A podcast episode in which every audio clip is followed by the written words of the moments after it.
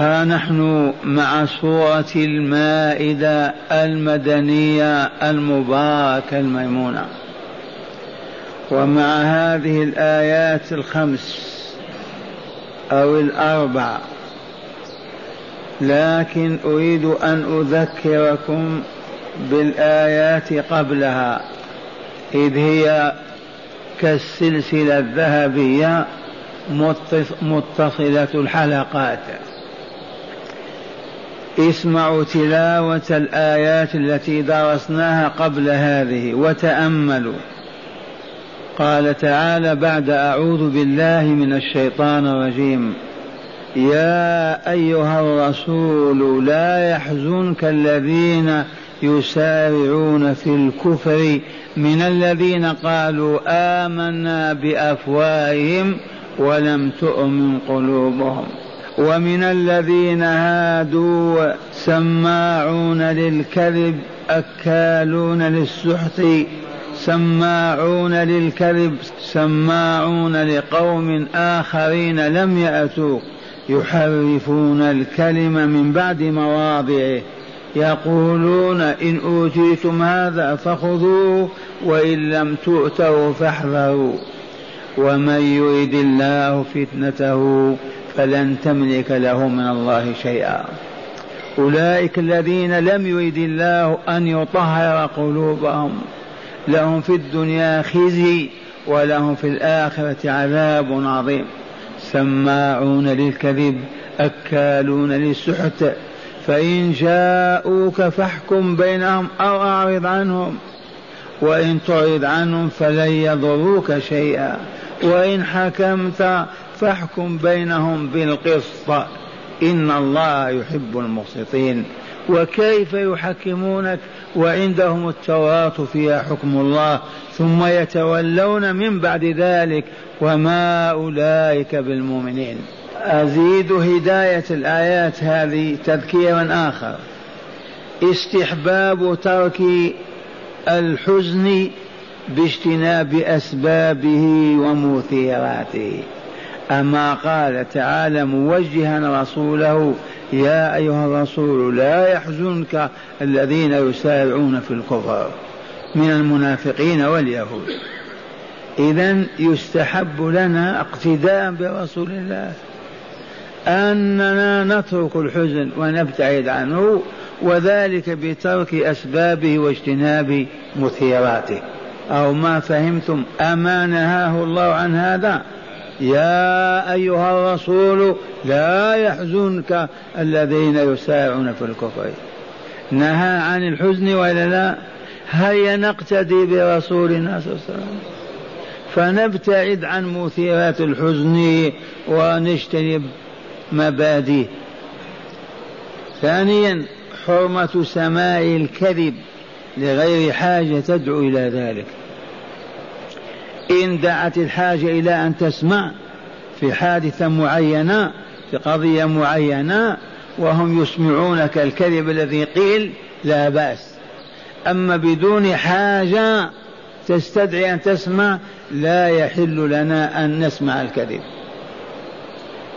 سواء كان في صحيفة أو جريدة أو في إذاعة أو في مجلس أو من محب. من أين أخذنا هذه الهداية؟ سماعون للكذب أكالون للسحت. سماعون الكذب هذا ذم لهم ولا وتقبيح لحالهم وسوء في حالهم. سماعون للكذب. هل المؤمنون الصادقون سماعون الكذب الجواب لا. وإن ابتلي المؤمنون لما ما عرفوا الطريق يجلسون الساعة والساعات وهم يسمعون الأباطيل والأكاذيب. والله لواقع. ما سبب ذلك ما عرفوا. ثالثا حرمة تحريف الكلم وتشويهه للإفساد. حرام على مؤمن أن يحدث أو يتكلم بكلام ويحرف بعض التحريف أو يلوي لسانه حتى ما يأتي على الوجه المطلوب. هذا المسلك يفعله اليهود وحرمه الله علينا. ذمهم بذلك وقال يحرفون الكلم من بعد مواضعه. رابعا الحاكم المسلم مخير في الحكم بين أهل الكتاب. إن شاء حكم بينهم وإن شاء أحالهم على غيره الحاكم المسلم القاضي المسلم إذا تحاكم إليه يهوديان أو نصرانيان أو كافران هو مخير. إن شاء أن يحكم بينهم حكم وإن شاء أن يتركهم يتركهم. إلا خير فيهم. خامسا وجوب العدل في الحكم ولو كان على غير المسلم. وإن حكمت فاحكم بينهم بالعدل.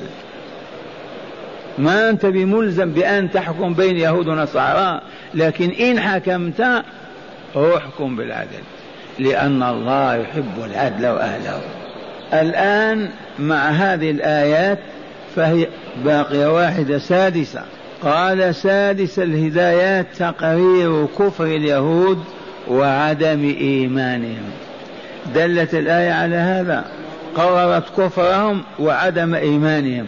إذ قال تعالى وما أولئك بالمؤمنين.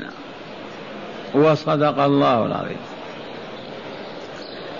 الآيات التي نتدارسها الليلة إن شاء الله اسمعوا تلاوتها بدون ما تجويد حتى تفهموا.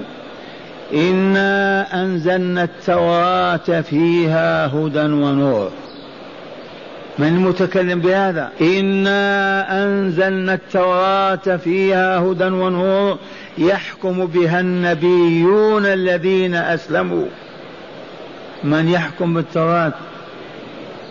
النبيون الذين أسلموا للذين هادوا وعليهم أيضا. يحكمون بها لهم وعليهم. النبيون جمع نبي. والأنبياء قيل أربع آلاف نبي من موسى إلى عيسى وقيل ثلاثة أو ألف على الأقل. فالتوراة من أنزلها؟ الله تعالى. على من أنزلها؟ على نبيه موسى عليه السلام.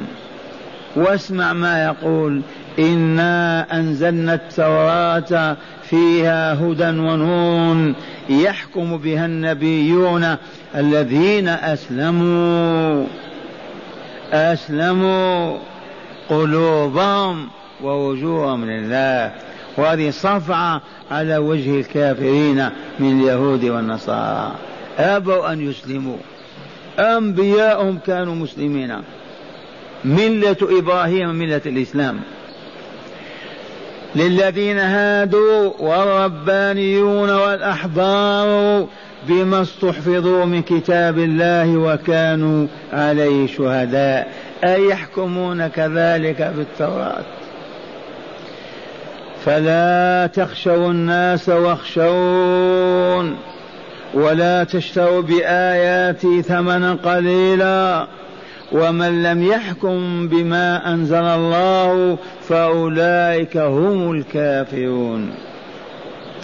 وكتبنا عليهم فيها أي فيها أي في التوراة وكتبنا عليهم فيها أن النفس بالنفس والعين بالعين والأنف بالأنف والأذن بالأذن والسن بالسن والجروح قصاص.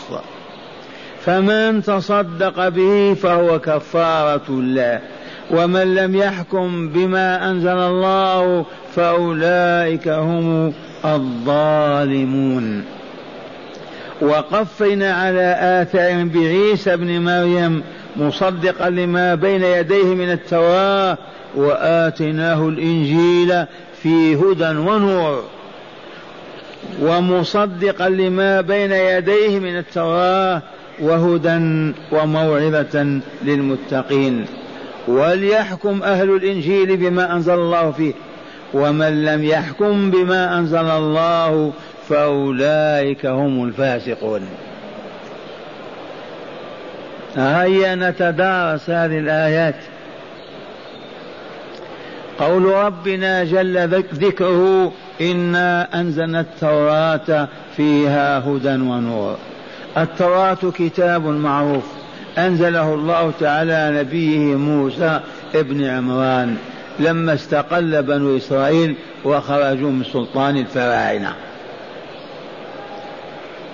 ووصف التوراة بأن فيها الهدى إلى كل كمال وإسعاد إلى كل إعزاز إلى كل تطهير وصفاء وفيها نور يلوح لأصحابها لا يغشون الظلمات ولا يتخبطون في الجهل والشر والفساد.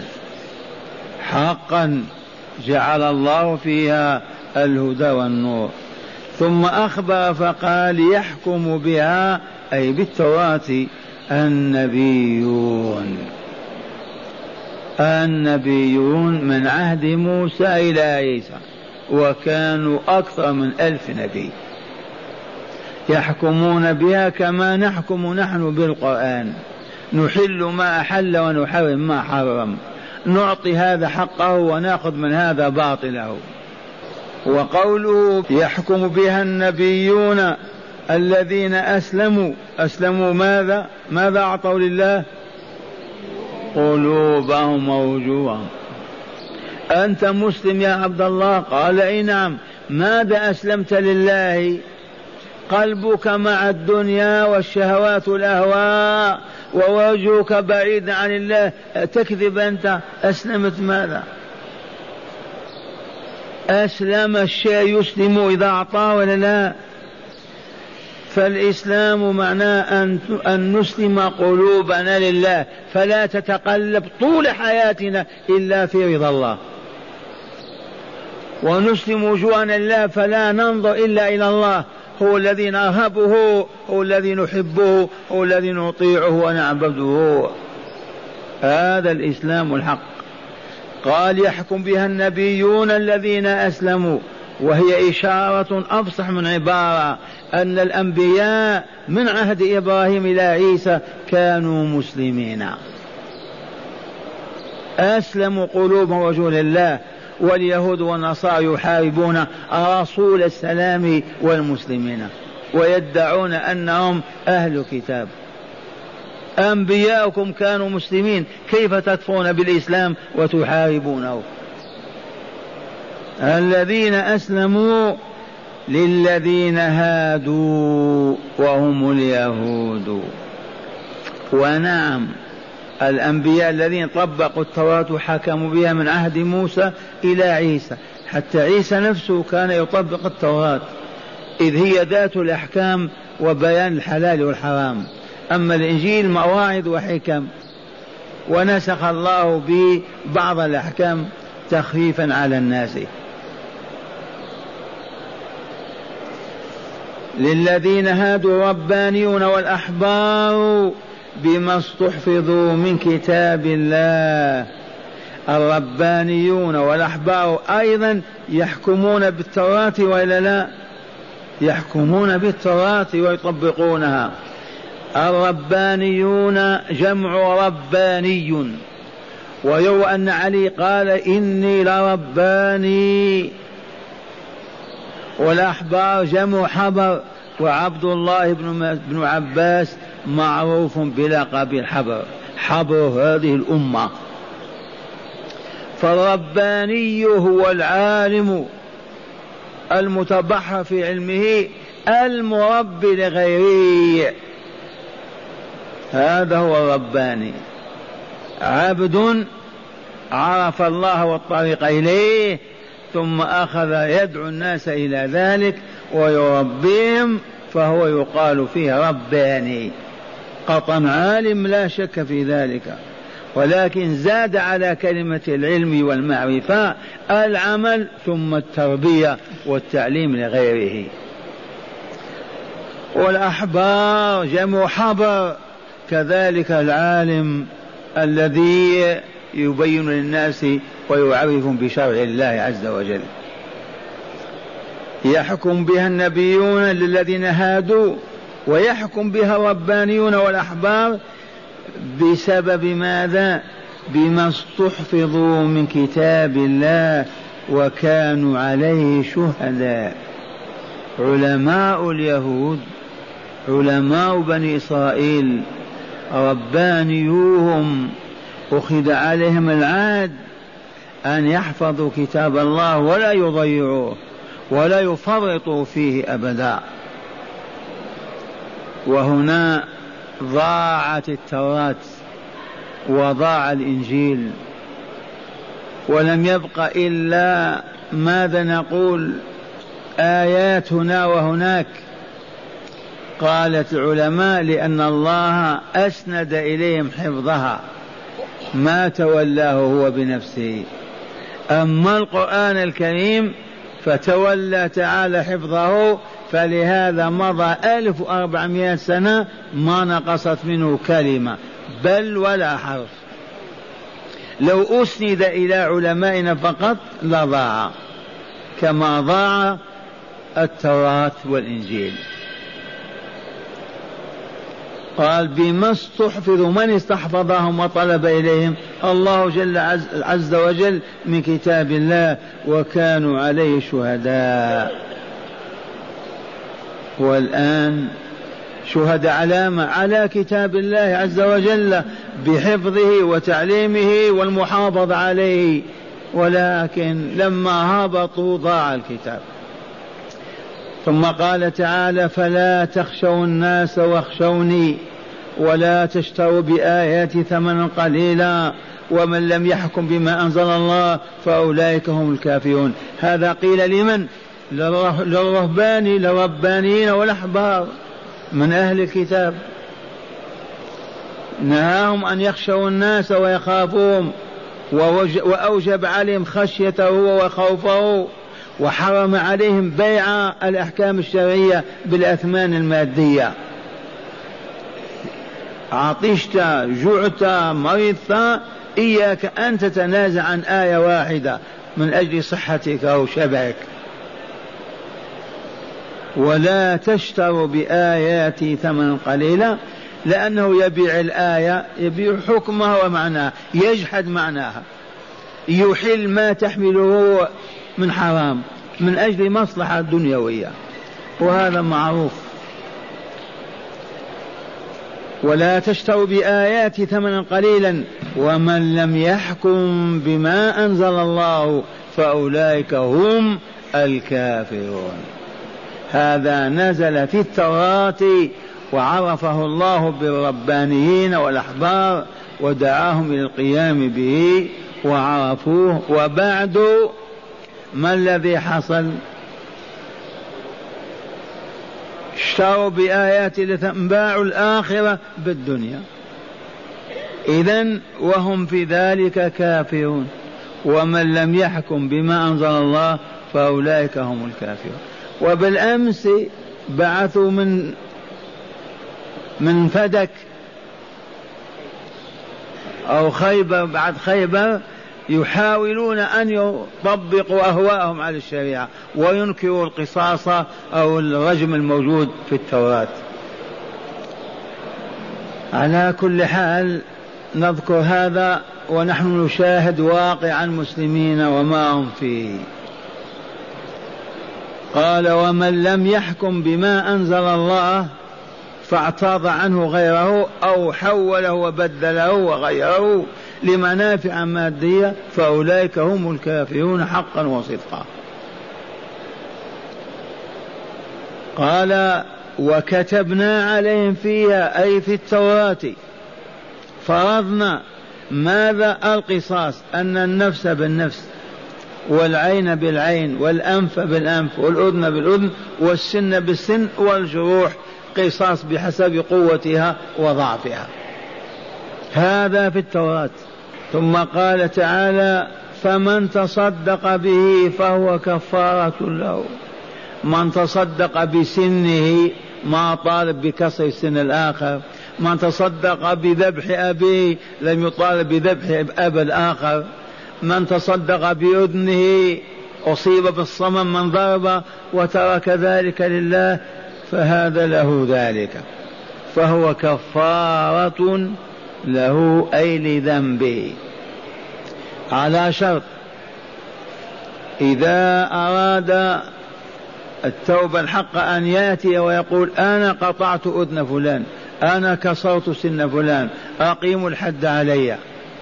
فإن عفي عن هذا كان ذلك كفارة له. فإن لم يتقدم ولم يطالب بإقامة الحد عليه فهو إن قطعت أذنه أو كسر سنه كفارة له.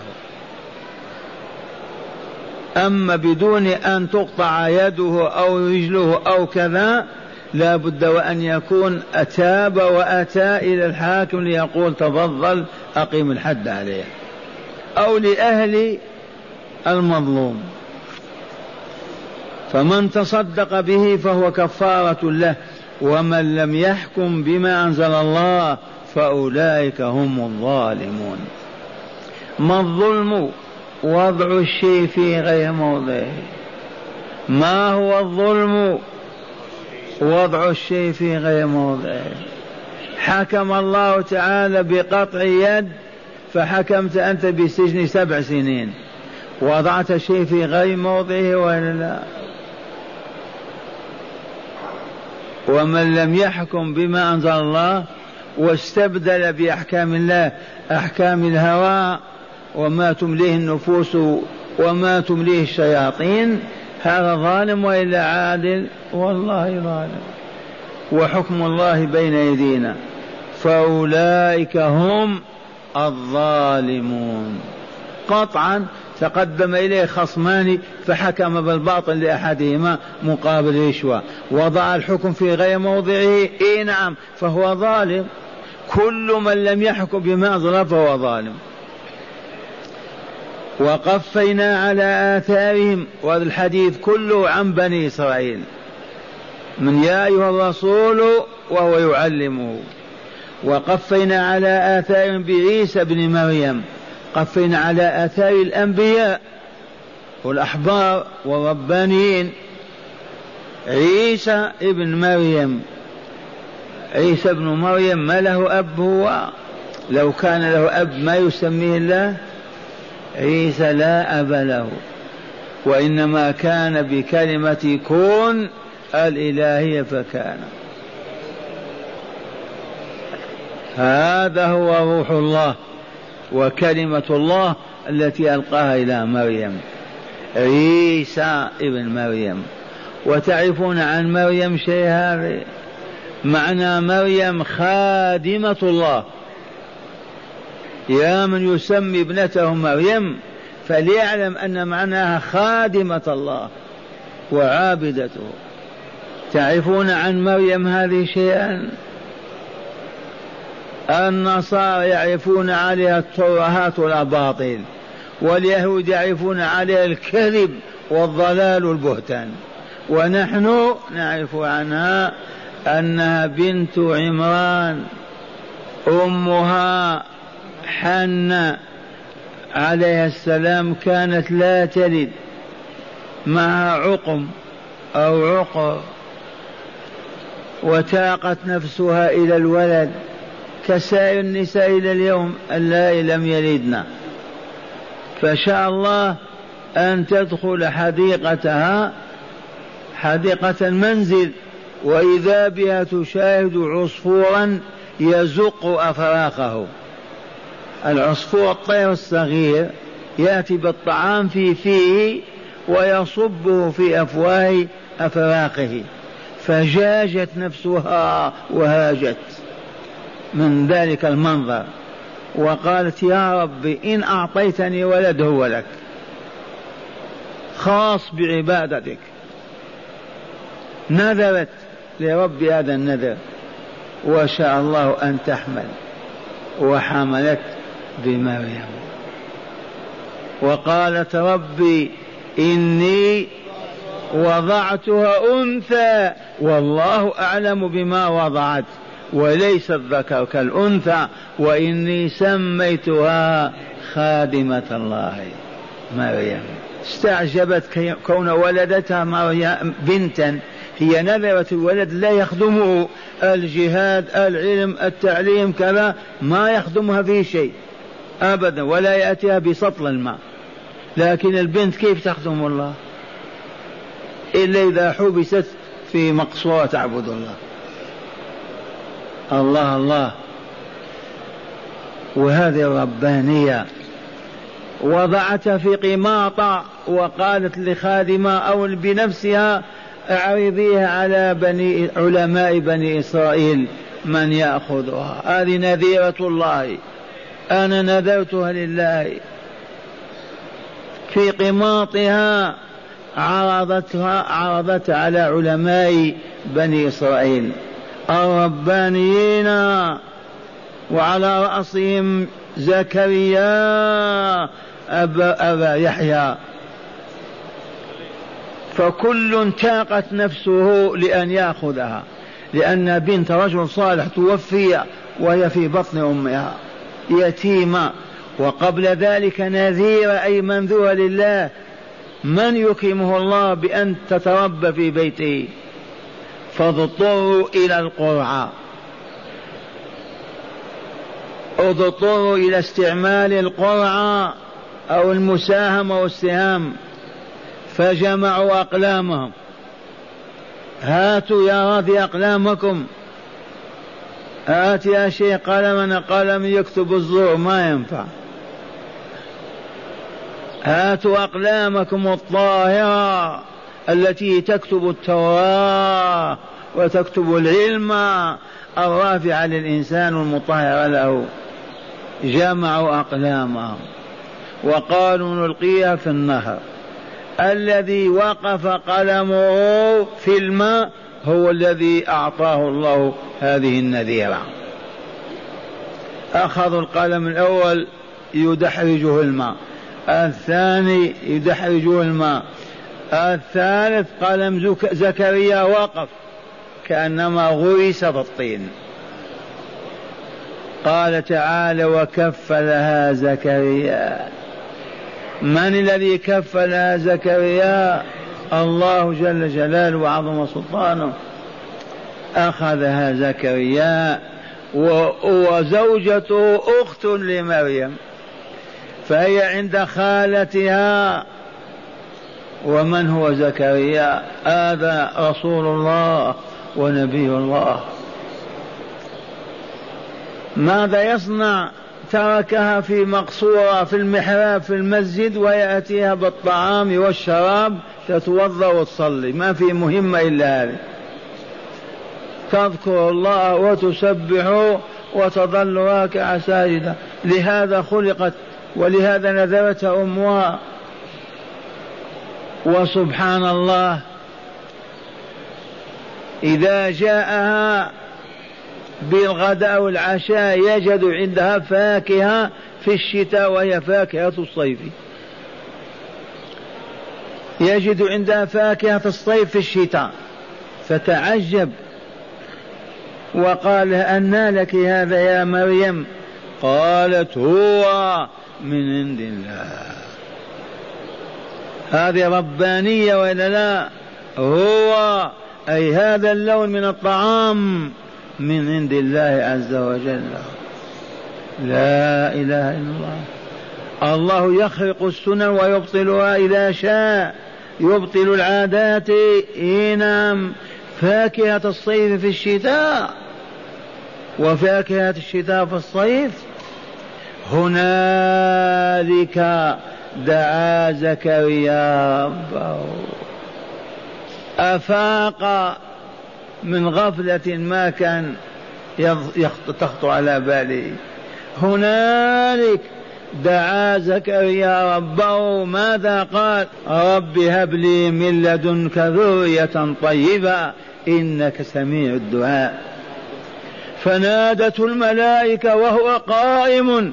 يصلي في المحراب أين وجدته؟ وهو قائم يصلي في المحراب بلغته رسالة الله. إن الله يبشرك بكلمة منه.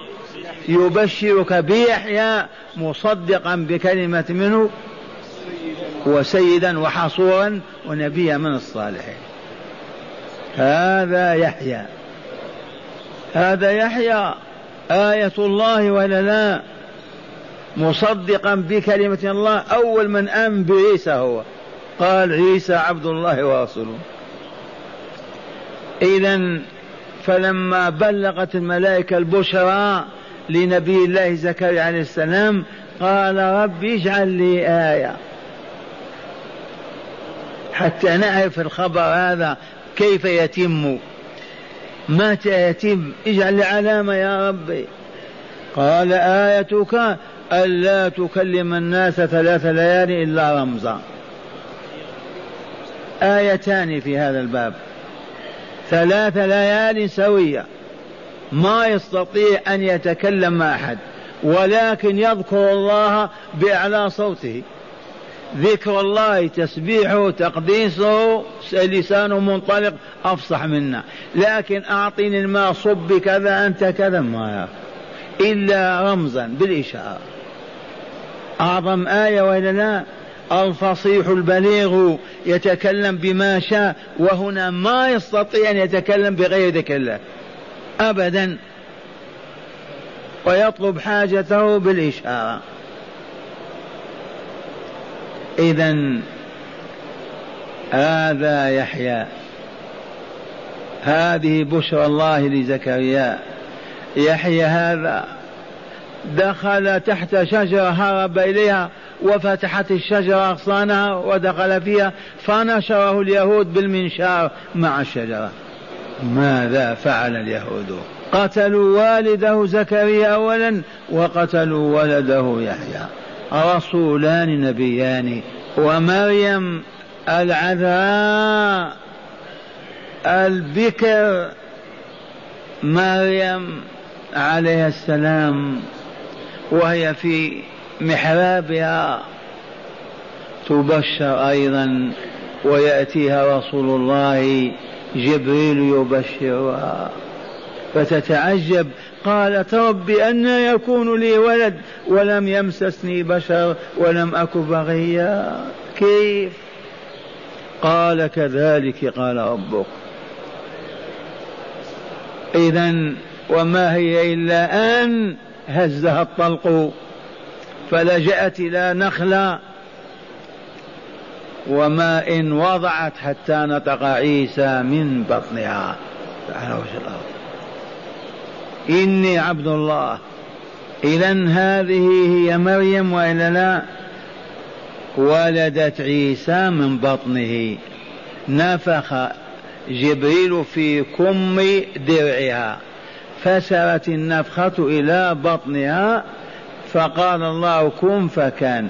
ساعة واحدة وهي تبحث عن موضع الولادة. تباتم فانتبذت به على الفور مكانا قصيا فأجاءها المخاض إلى جذع النخلة. قالت يا ليتني مت قبل هذا وكنت نسيا منسيا. فناداها من تحتها ألا تحزني. قد جعل ربك تحتك سريا وهزي إليك بجذع النخلة في الشتاء تساقط عليك الرطب. والشاهد عندنا عرفتم عيسى ابن مريم. اليهود يقول عيسى ساحر لأنه يحيي الموتى ويبرئ الأكمه والأعمى والأبرص هذا من سحره وأم يقول فاجرة عاهرة. إلى الآن والنصارى قالوا هذا ابن الله وبعضهم قالوا لا هذا هو الله هو الإله. وتخبطوا وضلوا لأن نور الله أعموا عنه وأبوا أن ينظروا إليه. القرآن الذي أنزله الله هو الذي فيه بيان الحق في عيسى وأمه. عيسى عبد الله ورسوله وأمه مؤمنة طيبة صديقة. هكذا وصفها الله بالصديقية وأمه صديقة. وقفينا على آثار أولئك الأنبياء والرسل والربانين والأحبار بعيسى ابن مريم مصدقا لما بين يديه أي من التوراة ومبش من التوراة و... وآتيناه الإنجيل. الإنجيل كتاب الله رابع الكتب الأربعة المعروفة عندنا في عقيدتنا. التوراة الإنجيل الزبور الفرقان. القرآن الكريم والفرقان. ماذا في الإنجيل؟ فيه هدى ونور ونور ومصدقا لما بين يديه من التوراة لا يتنافى أبدا مع التوراة إلا ما نسخه الله من التوراة بعض الأحكام وما عدا ذلك الإنجيل يوافق التوراة. مثل القرآن مصدقا لما بين يديه من الإنجيل والتوراة. قال وهدى وموعظة للمتقين. فيه الهداية لسبل الرشد والخير وفيه المواعظ للمتقين ينتفعون بها. الإنجيل أكثر مواعظ. وحكم ثم قال تعالى وليحكم أهل الإنجيل أيضا كما على أهل التوراة أن يحكموا بالتوراة على أهل الإنجيل أن يحكموا بالإنجيل. يحكمون بالإنجيل. أولا أين الإنجيل؟ أصبح خمسة أناجيل كيف يعرف الحق فيه؟ الإنجيل كان إنجيلا واحدا فزيد فيه خم أربع أناجيل أخرى. ضاع الحق وما أصبح له وجود. لكن لو حكموه لوجدوا نعوت الرسول وصفاته وأن من لم يؤمن بالنبي الخاتم هو كافر. ولكانوا آمنوا. فليتفضلوا. والله إن به لنعوت للرسول صلى الله عليه وسلم وصفات له. والأمر بالإيمان به والدخول في دينه الناسخ للأديان السابقة. ما يحكمون. وليحكم أهل الإنجيل بما أنزل الله فيه لا بما افتراه المفترون وكذب به الكاذبون. ومن لم يحكم بما أنزل الله فأولئك هم الفاسقون. الخارجون عن طاعة الله ورسوله. البعيدون عن الحق وأنواره. هذا قضاء الله وحكمه تعالى عليهم. والآن المسلمون من أندونيسيا إلى موريتانيا باستثناء هذه البلاد لما ما يحكمون القرآن؟ لما يتحاكمون إلى غيره؟ ماذا نصنع؟ نقول الجهل جهلوهم ضللوهم أبعدوهم عن طريق الله فهم في متاهاتهم. لو عادوا إلى الكتاب والسنة في يوم ما لحكموا شرع الله. وهنا وبلغوا لو أراد أهل بلد من بلادنا الإسلامية لا أقول إقليم ولا دولة أهل بلد فقط أن يحكموا شرع الله. ما أيس ذلك وأسهله؟ يجتمعون في مسجدهم الجامع بنسائهم وأطفالهم. كل ليلة يصلون المغرب والعشاء ويتعلمون الكتاب والسنة. عام واحد وإذا بهم أطهار أصفياء أرقاء القلوب أزكياء الأرواح والنفوس. ومن ثم إذا حصل خلاف بين مؤمن وآخر بدل ما يذهبون للشرطة وإلى الحاكم إمام المسجد وهيئة المسجد يعرضون عليها القضية ويحلونها بالموعظة الحسنة. وانتهينا. ويعيشون دهورا لا يحكمون غير كتاب الله وسنة رسول الله صلى الله عليه وسلم. مرة ثانية لو أن أهل بلد من البلاد أخذوا على أنفسهم أن يجتمعوا كل ليلة طول عمرهم في بيوت الله التي بنوها بأيديهم. يصلون المغرب كما صليناها ويجلسون جلوسنا هذا ويتلقون الكتاب والحكمة حتى يؤذن العشاء فيصلون العشاء. أقول والله عام فقط. ينظر أن تظهر بينهم معصية. لا شرب خمر ولا حشيش ولا زنا ولا لواط ولا ربا ولا كذب ولا قتل ولا اعتداء. وإن حصل شيء من هذا النوع مرة في مسجدهم ترفع قضيتهم إلى إمامهم ومربهم ويصلح ما بينهم ويتسامحون. وما هم في حاجة إلى أن يقدموا قضيتهم إلى حاكم يحكم بغير ما أنزل الله. لما ما نفعل هذا عللوا. العدو من الإنس والجن لا يريدون أن يسعد المسلمون ويكملوا فلهذا هذا الطريق أسألكم بالله قولوا يكلفهم ماذا؟ يعملون لدنياهم من بعد صلاة الصبح إلى قبل غروب الشمس. المصانع والمتاجر والمزارع العمل فيها. مالت الشمس إلى الغروب.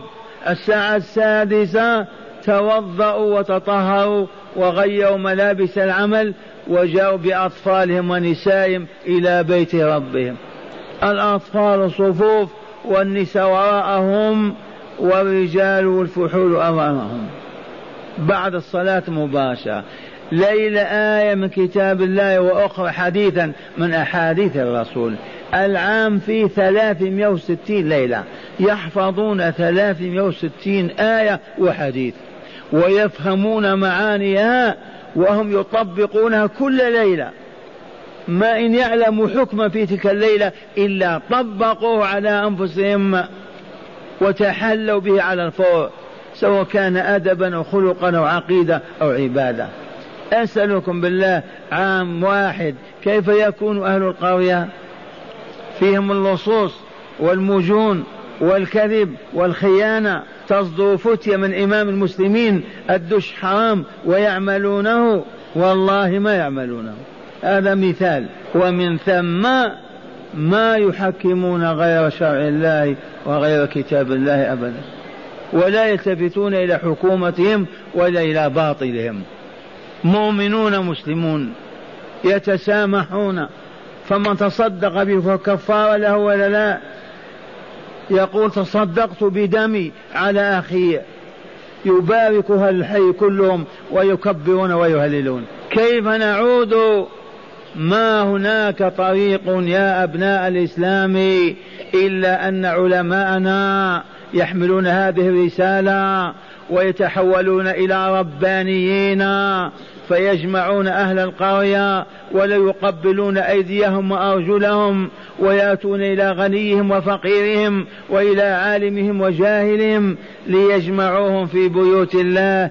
هذه الساعة من الليل ما بين المغرب والعشاء. ويأخذون في تزكية أنفسهم وتهذيب أرواحهم وتهذيب آدابهم وأخلاقهم وهم يشاهدون ذلك يوما بعد يوم ما يسمعون بحادثة وقعت في القرية. ما يشاهدون جائعا ولا عاريا ولا مظلوما لأنهم كجسم واحد. ثبتت لهم ولاية الله لو رفعوا أيديهم إلى الله أن يزيل الجبال لأزالها ما المانع من هذا؟ سواء كنا في فرنسا وإيطاليا أو ألمانيا أو بلجيكا وأمريكا أبواب الله مفتوحة لا منع أبدا فكيف ببلاد المسلمين؟